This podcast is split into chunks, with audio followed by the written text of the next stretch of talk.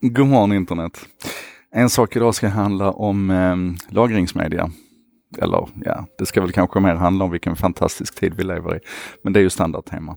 Så här, eh, SD Association det är en, eh, låt oss kalla det för en branschorganisation standardiseringsorganisation som plockar fram nya, nya standards och definitioner för de här små SD-korten. Ja, de är inte alltid så små, men det minsta är ju det som heter micro-SD och det är ju jätte, jätte, jättelitet. Det kan ju utan något som helst problem rymmas i den minsta och tunnaste mobiltelefon. Påfallande ofta så finns det inte en sån kortplats i, men det tänker man försöka ändra på nu med den här nya standarden man har plockat fram. För att den medger nämligen eh, fantastiska prestanda. Ehm, den här nya standarden den stödjer upp till en terabyte, vilket är skitstort. Eh, jag tyckte jag tog i när jag köpte min, eh, min iPhone här nu. Den har eh, lagringskapacitet på 512 gigabyte, alltså hälften av en terabyte. Och jag ska snart återkomma till det varför, det, varför det är viktigt. Den har också en, en grym överföringshastighet, alltså datatakten som den kan skicka data i, 985 megabit per sekund, alltså nästan en gigabit per sekund. Det betyder att det skulle ta grovt räknat 10 sekunder att skicka en gigabyte data. Det här är massivt. Um, och skälet till att det här är spännande det är egentligen två saker. Det ena det är utvecklingen här. Um, jag gick in och tittade på, på lite, lite siffror här på hårddiskar och, och runt 1980 så kostade en 1 gigabyte lagringsutrymme på, på den tidens hårddisk då, kostade um, en miljon dollar.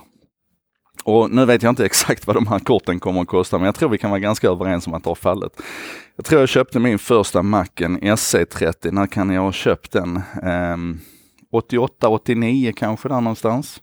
Kan det stämma? Och då tyckte alla att jag var fullständigt galen som valde att ha 8 meg hårddisk i den. Kan det stämma? Ja, det är i alla fall en otrolig utveckling vi har sett på det här. Det blir mindre, det blir alltså mindre till ytan, större till lagringskapaciteten, snabbare överföringshastighet och samtidigt så faller priserna. Jag ska inte säga som en sten, men de faller påtagligt. Det är logaritmiska skalor vi pratar om här om vi ska titta på priset per, per, eh, per gigabyte lagringsyta. Sjukt spännande. Det andra som då är spännande här i detta, det är ju tillämpningarna som detta föder. Jag kan ge ett exempel. Så här, vi pratar ju mycket om, om smarta lösningar för lagring. Så säg till exempel att du råkar jobba på en, en konferens där du ska sitta och hålla koll på ett, ett 50-tal presentationer som alla väger in runt 4 gig. Det blir jättemycket data och även om jag har en, en rätt så stor och rejäl Mac Pro som jag jobbar på, så är det kämpigt för den att, att få plats med allt det här, i synnerhet som alla presentationerna ligger i 20 versioner ungefär. Eh, och då använder vi smarta lösningar, eh, ofta Dropbox eller Google Drive. I detta fallet är det gamla Box som gäller. Och den har ju det här med att den försöker avlasta då till molnet så att jag ska bara behöva ha det hemma som jag verkligen använder. Och det är ju vackert i teorin. Men påfallande ofta så händer det ändå att du stöter på att shit, nu behöver jag öppna den här 4 gigs presentationen och den ligger inte fysiskt på min hårddisk utan den ligger i molnet. Och då blir ju överföringshastigheten intressant.